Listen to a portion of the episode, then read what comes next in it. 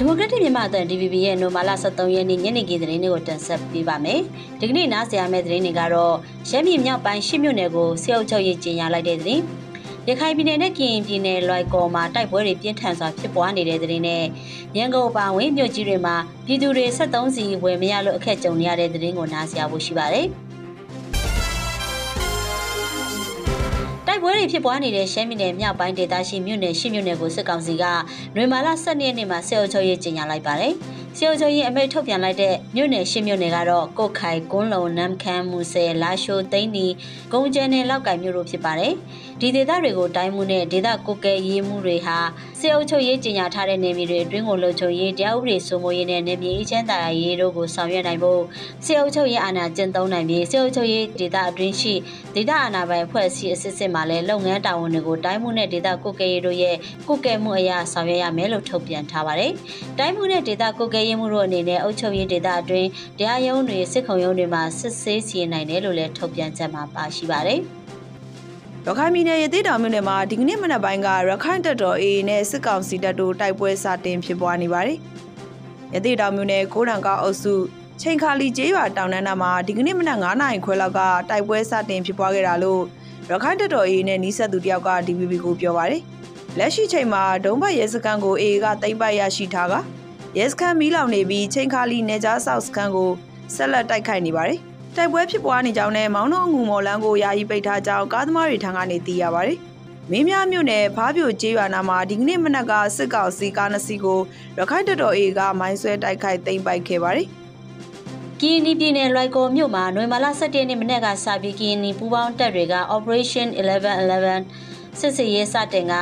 စစ်ကောင်စီတပ်တွေနဲ့တိုက်ပွဲတွေပြင်းထန်နေတာဒီကနေ့ဆိုရင်3ရက်မြောက်နေ့ရှိလာပြီဖြစ်ပါတယ်။ဒီကနေ့မနေ့6နိုင်ကလေးကစပြီးလွိုက်ကော်မြို့ထင်းငါးလျားကန်နီနနက်တော်နွားလူဘိုးနဲ့နောက်ရရက်ွက်တွေမှာတိုက်ပွဲတွေပြင်းထန်နေပါတယ်။ဒီနေ့မနေ့10နိုင်ဝန်းကျင်လောက်မှာတော့ရိုက်ကိုအချင်းထောင်ဘက်ကိုတိုက်ခတ်ခံရပြီးအချင်းထောင်ပေါက်သွားကြောင်းသတင်းတွေထွက်ပေါ်နေပေမဲ့အတိမပြုနိုင်သေးပါဘူးစစ်ကောင်စီဘက်ကတော့တိုက်လေရင်တွေအုံပြုကနောင်ရစေချိကဲနနတ်တော်အနာတဝိုက်ကဘုံကျဲတိုက်ခတ်နေတယ်လို့ဒေသခံတွေကပြောပါတယ် တိုက်ပွဲတွေနဲ့တစ်ဆက်တည်းမှာပဲလွိုက်ကော်မြို့ကထွက်လို့ရတဲ့ဒေသခံတချို့ကဒီမော့ဆိုမြို့နယ်ကိုထွက်ပြေးတိမ်းရှောင်နေကြသလိုမိုးပြဲမြို့ကပြည်သူတွေလည်းဖေကုံဘက်ကိုထွက်ပြေးတိမ်းရှောင်နေရပြီးဒေသခံအများစုကတော့တိုက်ပွဲတွေပိတ်မိနေတယ်လို့သိရပါတယ်ရှင်။ရန်ကုန်မြို့ပါဝင်နိုင်ငံတော်မှာအခုရက်ပိုင်း73စီဝယ်ယူလို့မရတဲ့ခက်ခဲတွေကြုံတွေ့နေချိန်မှာပဲ73စီတင်တင်မော15စင်းမကြမီထပ်မံရောက်ရှိစိုက်ကပ်ဖို့ရှိနေတယ်လို့ စေအုပ်စုကဝါရဖြန့်သတင်းထုတ်ပြန်ထားပါတယ်။စေအုပ်စုကအဲ့လိုထုတ်ပြန်ထားပေမဲ့ရင်စည်းရည်နဲ့73စီလိုအပ်ချက်များတဲ့ရန်ကုန်မြို့က73စီဆိုင်အများစုမှာတော့စီပြက်လက်ပြီးလိုသလောက်ဝယ်မရဖြစ်နေပါတယ်။ဒါအပြင်တခြားသောနယ်မြို့တွေမှာလည်း73စီပြတ်တောက်မှုပြဿနာတွေနဲ့ရင်ဆိုင်နေရပြီးအချိန်ကြာကြီးတန်းစီစောင့်ဆိုင်ဝယ်ယူရတာအကန့်အသတ်နဲ့ပဲရောင်းချပေးနေတာတွေကြုံတွေ့နေရတယ်လို့သိရပါတယ်။စစ်ကောင်စီကတော့ရန်ကုန်မြို့ပေါ်က73စီရောင်းဆိုင်146ဆိုင်တွေကတချို့ဆိုင်တွေမှာ ပြီးခဲ့တဲ့နိုဝင်ဘာလ10ရက်ကဓာတ်စီ92ရုံဟာ